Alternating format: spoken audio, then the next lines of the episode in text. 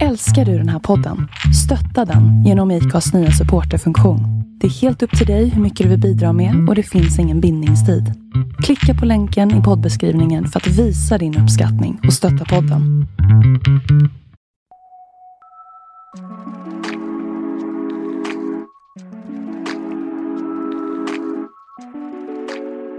Under pandemiåret 2020 har vi sett många rubriker i stil med att storbolag delar ut miljarder trots att man erhållit coronastöd från skattebetalarna. Samtidigt som restauranger, resebolag och enskilda näringsidkare rapporterats ha tvingats betala tillbaka stödpengar eller inte ha fått några alls.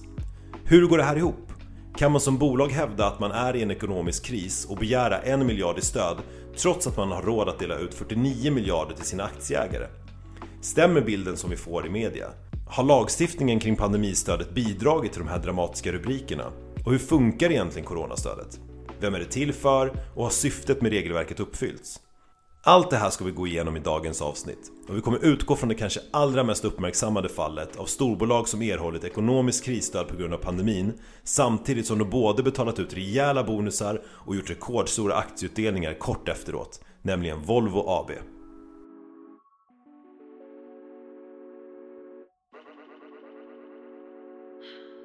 Folkets Domstol är en oberoende podcast med målet att informera och utbilda den stora massan om juridiska frågor som på ett eller annat sätt berör oss alla.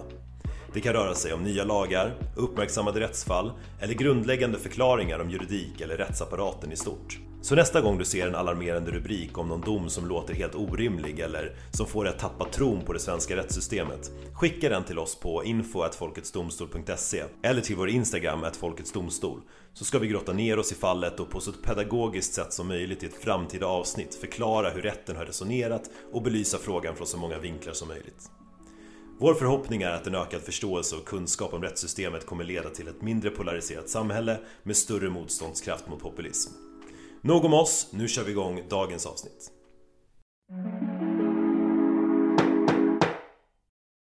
Volvo är ett av Sveriges största bolag med runt 103 000 anställda globalt.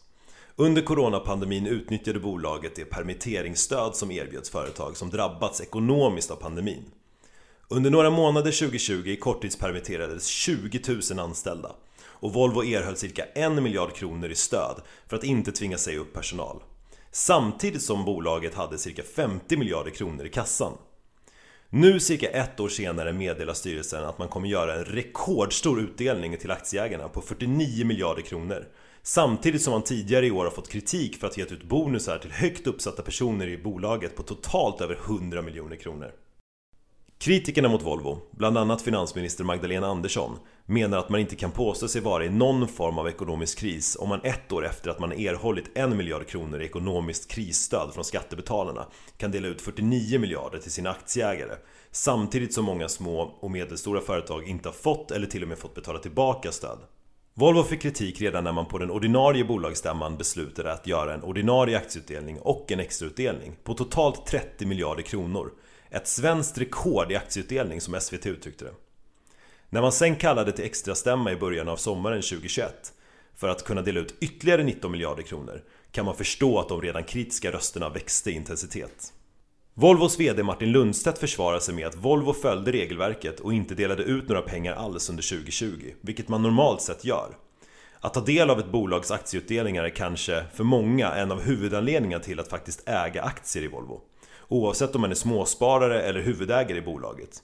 I diskussioner bland småsparare i Facebookgruppen Utdelningsjägaren, en av Sveriges största Facebookgrupper för aktiesparande, har ofta besvikelse lyfts över uteblivna utdelningar som man som småsparare många gånger kanske uppfattar som ett löfte från bolagen.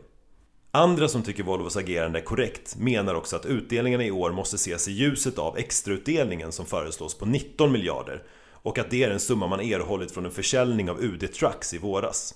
Att företag delar ut vinsten efter en försäljning av ett bolag till aktieägare är inget ovanligt och Volvos kommunikationschef menar att skälet till extrastämman är för att aktieägarna ska kunna ta ställning till om det är så här man vill göra. Det säger kommunikationsdirektören på Volvo, Claes Eliasson, i en intervju till SVT. Samtidigt finns det en annan sida av myntet.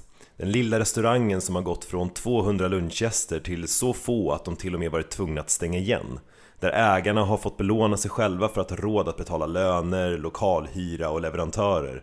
där coronastödet skulle ha varit en vital del för att stoppa den ekonomiska blödningen men där ett krångligt system, felaktiga lagtolkningar av myndigheter och återbetalningskrav i flera fall har lett till att man drabbats hårt eller kanske till och med gått i konkurs.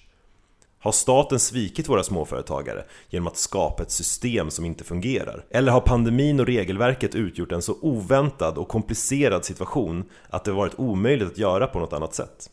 Så med det sagt, vad är det egentligen som gäller? Vad säger lagen, Viktor? Det är som vanligt när det gäller juridik en väldigt svår fråga att svara kort och tydligt på.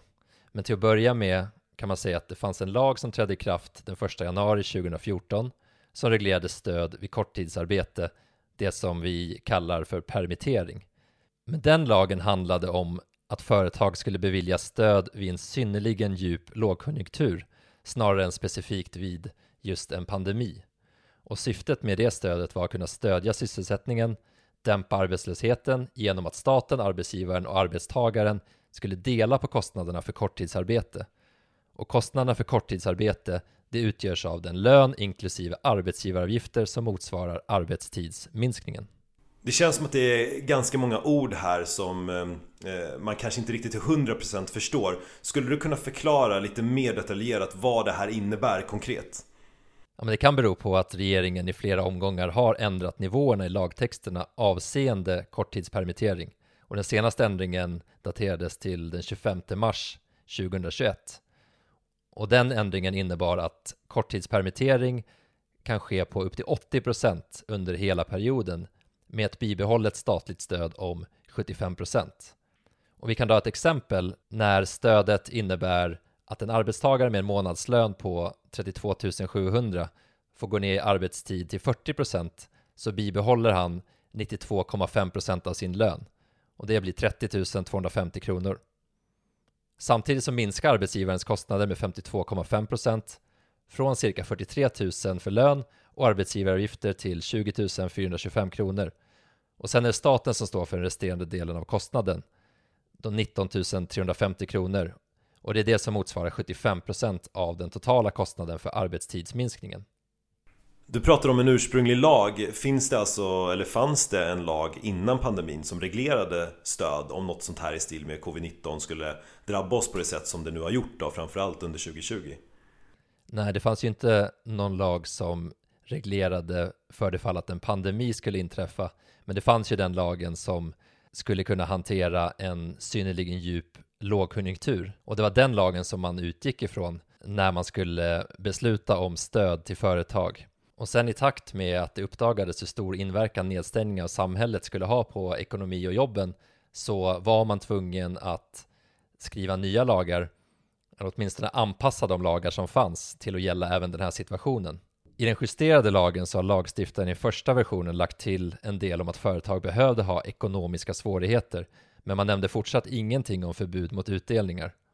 Jag upplevde i alla fall när den här frågan kom upp att eh, man tyckte från regeringshåll och från myndigheter att det var i vart fall olämpligt med utdelningar. Ungefär som att eh, det borde man ju förstå att man inte ska hålla på med.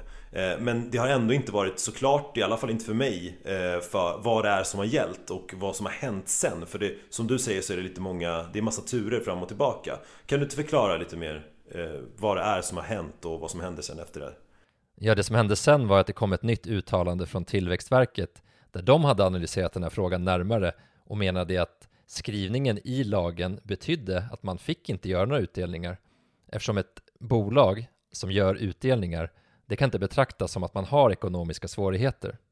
Och skälet var att man ansåg att om ett företag trots en kris kan göra en utbetalning till sina ägare är det en tydlig indikation på att företaget själv inte ansett sig ha allvarliga ekonomiska svårigheter och då skulle man kunna vägra ett stöd.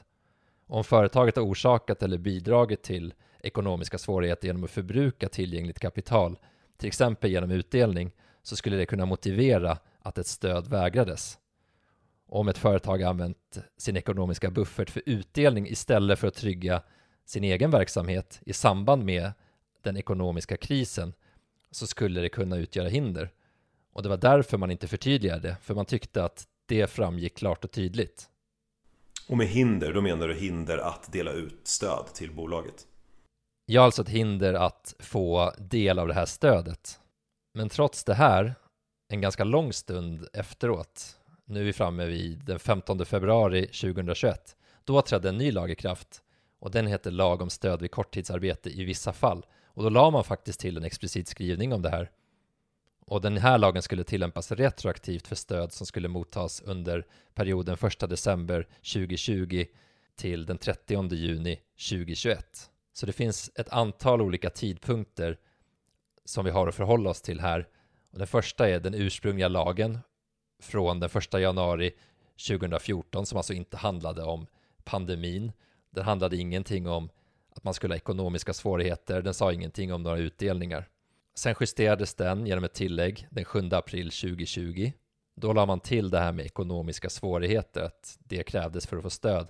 Men det fanns fortfarande ingenting om utdelningar. Och sen i februari så kom den här nya lagen där man faktiskt uttalade att det fanns ett förbud mot utdelningar. Det låter som att det varit ändå ganska rörigt. Jag förstår det som att man mer och mer har gått mot att uttrycka på olika sätt att utdelningar är direkt felaktigt från att man från början egentligen inte nämnde det alls. Ja, men skälet är att man skulle framförallt öka förutsägbarheten för de som söker stöd. Alltså man ska vara medveten om det här förbudet redan när man söker stödet. Och eftersom det inte stod uttryckligen i den gamla lagen så har det uppkommit diskussioner och därför var det viktigt att man förtydligar det i lagen. Och vad innebär det här för Volvo? Har de gjort fel eller har de ansett sig gjort rätt för att reglerna varit otydligt utformade eller vad, vad, vad är det som gäller? Jag har inte läst deras ansökan, jag har inte läst något beslut men utifrån min tolkning så har de nog rättat sig efter de regler som har varit gällande vid varje tidpunkt. Och reglerna har varit lika otydliga för alla, såväl för de som ansökt om stöd som de som varit satta att tillämpa de här reglerna. Och man får väl också ha lite förståelse för att med tanke på krisen så har de här lagändringarna inte haft samma tid för beredning som ett vanligt lagförslag som egentligen kan beredas i lugn och ro. Och man har heller inte vetat hur länge den här krisen skulle pågå och vilka situationer som skulle kunna uppkomma. Något annat som inte är 100% glasklart, i alla fall inte för mig, det tycker jag är det här med permitteringsstöd. Vad är det egentligen som gäller där? Vilka får ta del av det här stödet? Hur funkar det? Kan du hjälpa till att förklara det? Men vi kan väl börja med att gå igenom lite kort vad det är som har hänt under den här coronapandemin så har Tillväxtverket betalat ut tiotals miljarder i olika stöd till företag. Det finns något som heter omställningsstöd, det finns ett omsättningsstöd, men framförallt det som vi pratar om idag, det är permitteringsstödet. Och det betyder stöd för korttidsarbete på lite vanligare svenska. Och som vi har varit inne på så har de här reglerna varit otydliga från början. Och reglerna har fått skrivas om flera gånger. Och det här slutresultatet har ändå blivit minst sagt problematiskt. För vissa företag som borde ha fått stöd har inte fått det. Eller så har de fått vänta på det eftersom att myndigheter har tillämpat reglerna på ett annat sätt än vad domstolar har gjort. Samtidigt som finns det andra företag som fått stöd som inte borde ha fått det, vilket också har lett till flera brottsanmälningar och återbetalningskrav. Har du något exempel på sådana här brottsanmälningar och, och, och, exempel också på vad det är för några som inte har fått stöd som skulle ha fått stöd och, och vice versa? Ja, men de här brottsanmälningarna kan, det kan röra sig om olika typer av bidragsbrott att man har lämnat falska uppgifter, man kanske har förfalskat dokument, man har blåst upp sina kostnader mycket högre än vad de egentligen har varit. Det kan ju leda till att man blir anmäld för brott. Men det är ju sånt som framkommer först i efterhand. Det är ingenting som man vet när man väl tittar på en ansökan, utan det är sånt som framkommer vid en granskning i ett senare skede. Och då är det mycket möjligt att de här pengarna som har betalats ut redan är försvunna. De går inte att få tillbaka. Du säger ju att stödet ska delas ut till företag som har drabbats av ekonomiska svårigheter. Det verkar vara ett nyckelord här i, i, i den här frågan. Och mot bakgrund av det så har i alla fall jag svårt att förstå hur ett företag som Volvo kan få en miljard i stöd för att nästa år bara ge bonusar på över 100 miljoner kronor till cheferna och dela ut då 49 miljarder kronor till ägarna. Hur går det här ihop? Om vi tar Volvo som ett exempel så har de permitterat cirka 20 000 personer samtidigt som man hade en kassa på drygt 50 miljarder. Och då kan man ju fråga sig, är det ett sådant bolag som är att anse som att de har ekonomiska svårigheter? Och då är det så att vi jurister gillar att ställa oss sådana här definitionsfrågor och för att få svar på det så kan man vända sig till Tillväxtverket som har gjort en lista på vad skulle kunna definiera ett bolag med ekonomiska svårigheter. Och då finns det ett antal punkter. Den första är att man har en minskad nettoomsättning. Den andra är att man får ett minskat rörelseresultat. Den tredje är att man får en försämrad likviditet. Den fjärde, en ökad skuldsättningsgrad. Och den femte, en minskad orderingång. Så det korta svaret på din fråga är att ja, man kan ha mycket pengar i kassan men ändå vara berättigad till stöd. Och det kan faktiskt låta lite motsägelsefullt men trots att det står att bolaget ska ha ekonomiska svårigheter för att få stöd så får de här ekonomiska svårigheterna inte vara för allvarliga och de måste också vara tillfälliga. Ett exempel är att man får inte vara på obestånd, vilket är en juridisk term som innebär att man kan inte betala sina skulder i tid och det är inte tillfälligt. Alltså företaget ska vara livskraftigt, så man kan inte få stöd för att rädda ett företag som skulle gå i konkurs. Man vill inte kasta in pengar i ett svart hål.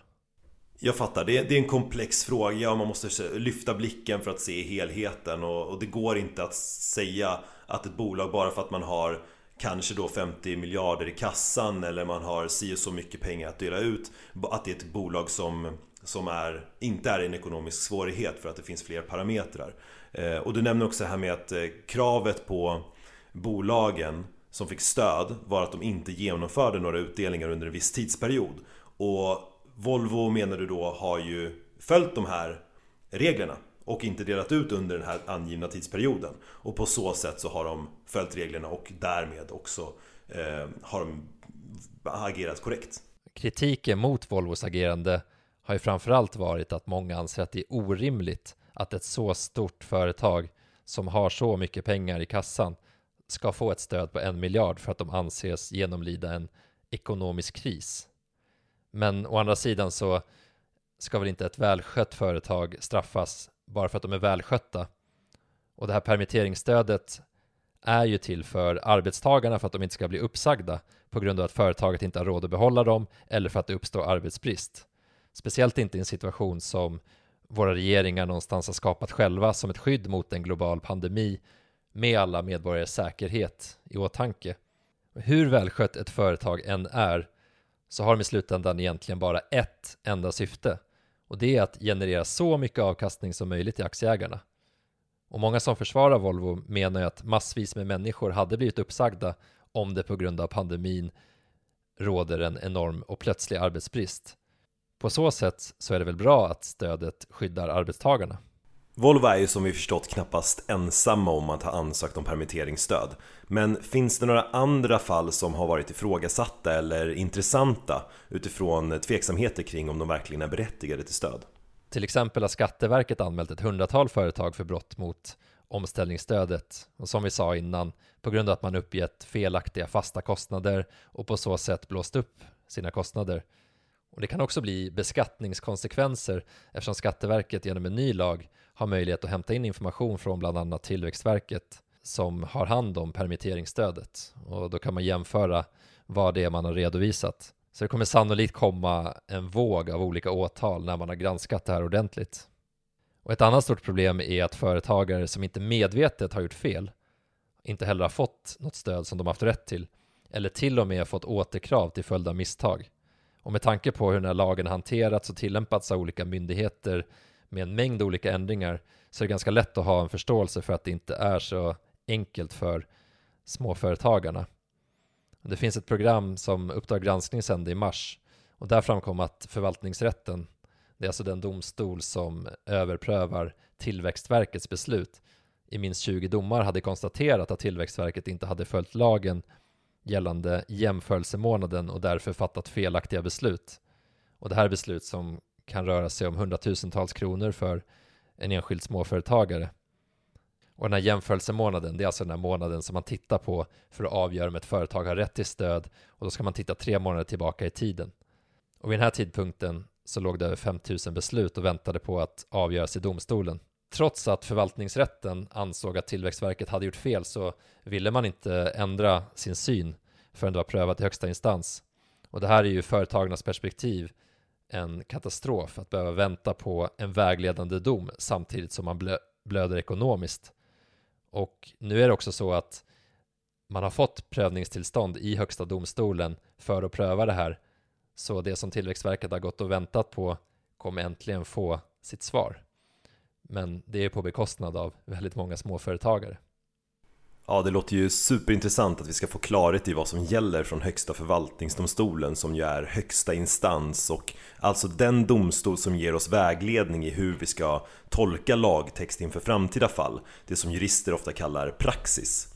Men visst finns det några andra avgöranden från förvaltningsrätten och kammarrätten som är så kallade underinstanser till Högsta förvaltningsdomstolen som vi faktiskt kan titta på här och nu för att få vägledning innan vi får ett avgörande från Högsta förvaltningsdomstolen. Det finns två ganska färska domar som jag har läst och vill ta upp för att jag tycker att det är intressant för det visar på hur otydligt det här har varit i tillämpningen och hur olika syn man har haft på det här dels då från myndigheternas håll, dels från företagarnas håll och sen även från domstolens håll. I det första fallet så är det en dom från förvaltningsrätten från den 21 maj i år. Och här handlade det om återbetalning av stöd om drygt 200 000 eh, för att ett bolag hade beslutat om en utdelning som dock inte hade verkställts. Och i det här fallet så hade Tillväxtverket i januari i år beslutat att återkräva ett tidigare beviljat stöd. Och anledningen var att i ansökan om stöd som det här bolaget hade gjort hade man intygat att man hade drabbats av tillfälliga och allvarliga ekonomiska svårigheter som man inte hade kunnat förutse eller undvika, vilket var krav enligt lagen. Men sen så beslutade det här bolaget om en vinstutdelning i juni 2020 och då menade Tillväxtverket att det här bolaget kunde inte ha drabbats av ekonomiska svårigheter som var tillfälliga och enligt lagen så är arbetsgivare som orsakat att stöd har lämnats på felaktig grund återbetalningsskyldiga för det som har betalats ut för mycket. Så därför ansåg man att det skulle betalas tillbaka i sin helhet. Men när förvaltningsrätten fick det här på sitt bord så konstaterade man att i sammanhanget så kan det noteras att i Tillväxtverkets ansökningsformulär beträffande ekonomiska svårigheter så har de endast frågat har ditt företag drabbats av tillfälliga, allvarliga ekonomiska svårigheter som ni inte hade kunnat förutse eller undvika? Och det hade bolaget svarat ja på. Men sen hade man inte ställt några fler frågor. Och sen konstaterade man också att det finns ett uttalande där man säger att det kan inte anses försvarligt med utdelningar och andra liknande utbetalningar. Men det har inte kommit till uttryck i form av något förbud för sådana transaktioner i lagen om stöd till korttidsarbete. Och det var alltså den lagen som gällde då. Och det är då det här blir lite förvirrat eftersom att det har varit olika lagar som har gällt vid olika tidpunkter. Men när det gäller den här lagen som tillämpas i det här fallet så fanns det inte något förbud mot utdelning uttryckligen i lagen. Men däremot så framgick det av förarbetena att vinstutdelningar kunde påverka bedömningen av om en arbetsgivare hade sådana ekonomiska svårigheter som förutsattes. Men det är också fråga om en samlad bedömning och då kan en vinstutdelning eller annan liknande utbetalning inte ovillkorligen medföra ett nekat godkännande utan det måste ställas i förhållande till arbetsgivarens samlade ekonomiska situation. Så därför ansåg förvaltningsrätten att en utdelning eller liknande utbetalning inte ensamt är tillräckligt för att konstatera att arbetsgivaren inte hade sådana ekonomiska svårigheter som krävdes för att få godkänt stöd. Så det innebar också att det inte med automatik kan slå fast att en arbetsgivare som fått stöd och inte redovisat en utdelning har förorsakat att stöd har lämnats på felaktig grund. Och så sa man också att det som sägs i förarbeten om utdelning och andra utbetalningars påverkan på rätten till stöd uppenbart tar sikte på verkställda utdelningar. Och här hade man inte verkställt utdelningen. Man hade alltså inte betalat ut pengarna, man hade bara fattat ett beslut. Så kortfattat, eh, hur skulle man kunna sammanfatta det här rättsfallet på en mening eh, och eh, utfallet av det? Man kan sammanfatta det som att de här uttalandena som Tillväxtverket gjorde om att det fanns ett förbud mot utdelning trots att det inte stod i lagen faktiskt inte är det som domstolen har kommit fram till i det här fallet. Utan det är möjligt att det behövde stå uttryckligen i lagen precis som det gjorde senare när man gjorde den sista ändringen till lagen. Du nämnde också att det fanns ett annat rättsfall eh, som berörde de här frågorna.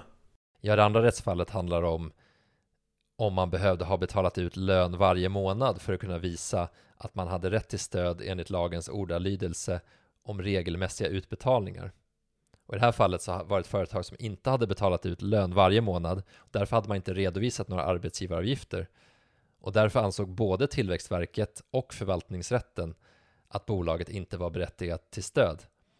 Men det överklagades senare till kammarrätten som meddelade en dom den 4 juni i år. Och i det här fallet så anförde bolaget att sådana här icke månatliga löneutbetalningar är mycket vanligt i fåmansföretagares svajiga och osäkra tillvaro och att lagtexten ger utrymme för en tolkning som även skulle kunna inkludera företag med andra upplägg av löneutbetalningar än månadsvisa. Under förutsättning att man kan visa på att årsbetalningarna faller inom givna månatliga ersättningsramar som man skulle kunna dela upp året i månader. Och om summan som bolaget har betalat ut i lön alltså delas ut på de här 12 månaderna så får man den månatliga siffran som efterfrågas för att styrka rätten till stöd. Och så tyckte man också att det framgick inte av lagtexten att det skulle vara otillåtet att samla sina månader i en enda stor utbetalning och göra en sån tolkning som Tillväxtverket gör gällande. Då skulle det innebära att en stor del av Sveriges småföretagare skulle gå i konkurs. Och sen när det här fallet prövades i kammarrätten så, så ansåg de inte att det framgick av ordalydelsen att något krav på att lön måste betalas ut månadsvis för att anses vara regelmässigt utgående. Det går heller inte att läsa av förarbetena att det varit lagstiftarens avsikt att uppställa sådana krav. Och sen så noteras det att i förarbetena framhålls att syftet med stöd vid korttidsarbete är att arbetstillfällen ska kunna bevaras och att företag på så sätt snabbt ska kunna öka produktion igen när det ekonomiska läget förbättras.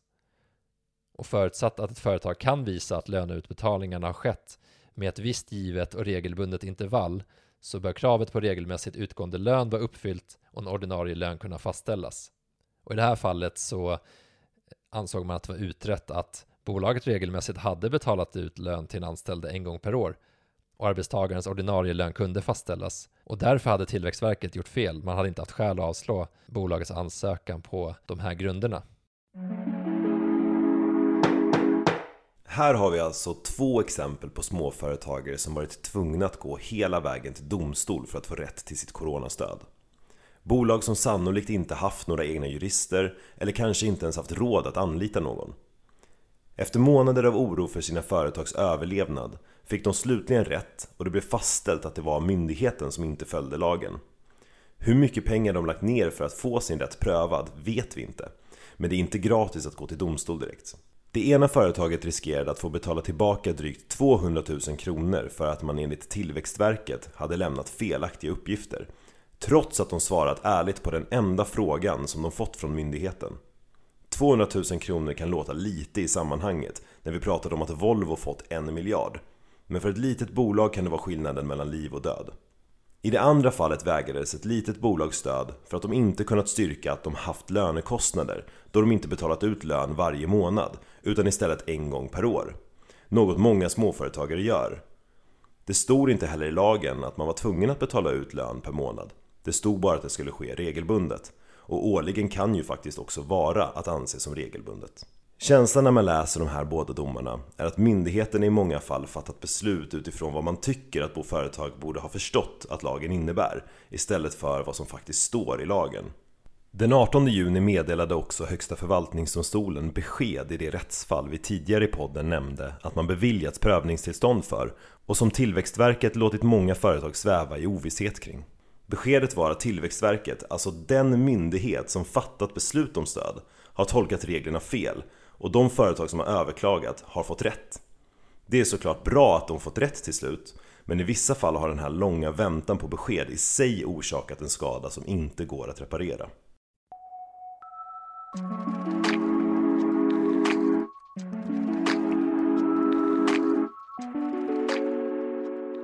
frågade oss inledningsvis här om Volvo hade gjort något fel eller om de bara använt sig av sin lagliga rätt när de gjort de här utdelningarna eller velat göra de här utdelningarna. Och om man nu får göra på det här sättet, eh, innebär det att det är problemfritt eller finns det någonting vi skulle kunna ändra på i lagen? Man kan ändå ställa sig frågan var pengarna hade gjort mest nytta i kassan på ett företag som redan har 50 miljarder eller till exempel för att stötta sjukvården där det har varit hög belastning under pandemin. Med en miljard hade man kanske kunnat göra mycket mer för att minska trycket på sjukvården. Vi har ju publicerat statistik på vår Instagram sedan tidigare från Domstolsverket gällande en ökning av ärenden som de behöver hantera. För att klara av den ökade belastningen med antalet ärenden har de begärt 700 miljoner kronor extra. Framförallt för att ha möjlighet att hantera brottmål och därmed kunna upprätthålla rättssäkerheten. Ett sånt här resonemang är ändå någonting som alltid kommer kunna ställas mot varandra när man pratar om, om just skatter och stöd. Och i slutändan är det ändå alltid svårt att göra rätt eftersom att liv och hälsa kommer gå före det mesta även om det ställs mot viktiga saker som folks anställning och leverne. Så borde Volvo agerat annorlunda? Företagande handlar ju som sagt om en enda sak, att bidra med värde till aktieägarna.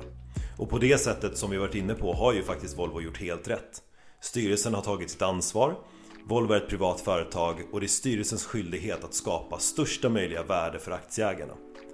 De har inget ansvar att vara schyssta mot staten eller andra så länge de håller sig inom lagens ramar såklart. Huruvida man sen anser att det är moraliskt att dela ut pengar, särskilt till ett så pass stort bolag som det rör sig om, är en fråga som var och en får ta ställning till. Men när regeringen beräknar att kostnaden för permitteringsstödet till svenska bolag under 2020 kostat oss skattebetalare 43 miljarder kronor totalt, det vill säga 6 miljarder mindre än vad bara Volvo kommer dela ut, vore det i vart fall anmärkningsvärt om inte Volvo hade förstått att det skulle uppstå upprörda känslor.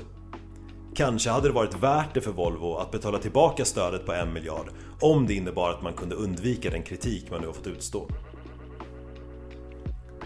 Vad gäller bonusarna är situationen en annan. Den stora skillnaden är att man inte bidrar med värde till aktieägarna när det kommer till bonusarna, vilket som vi nämnt tidigare är ett bolags syfte.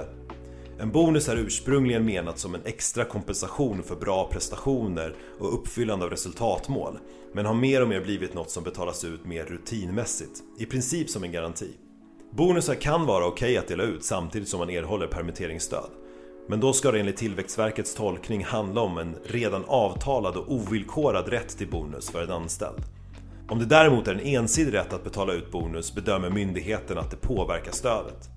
Men det kan bli svårt att tillämpa i praktiken och om man avsåg att även bonusar skulle ingå förefaller det märkligt att man inte skrev in det i lagen när man hade möjligheten på samma sätt som man gjorde när det kommer till utdelningar.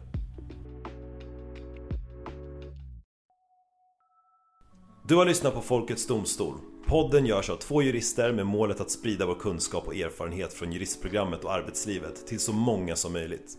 På så sätt hoppas vi kunna uppnå en mer sansad debatt baserad på kunskap istället för känsloargument, vilket i sin tur borde leda till ett mer rättssäkert samhälle för oss alla.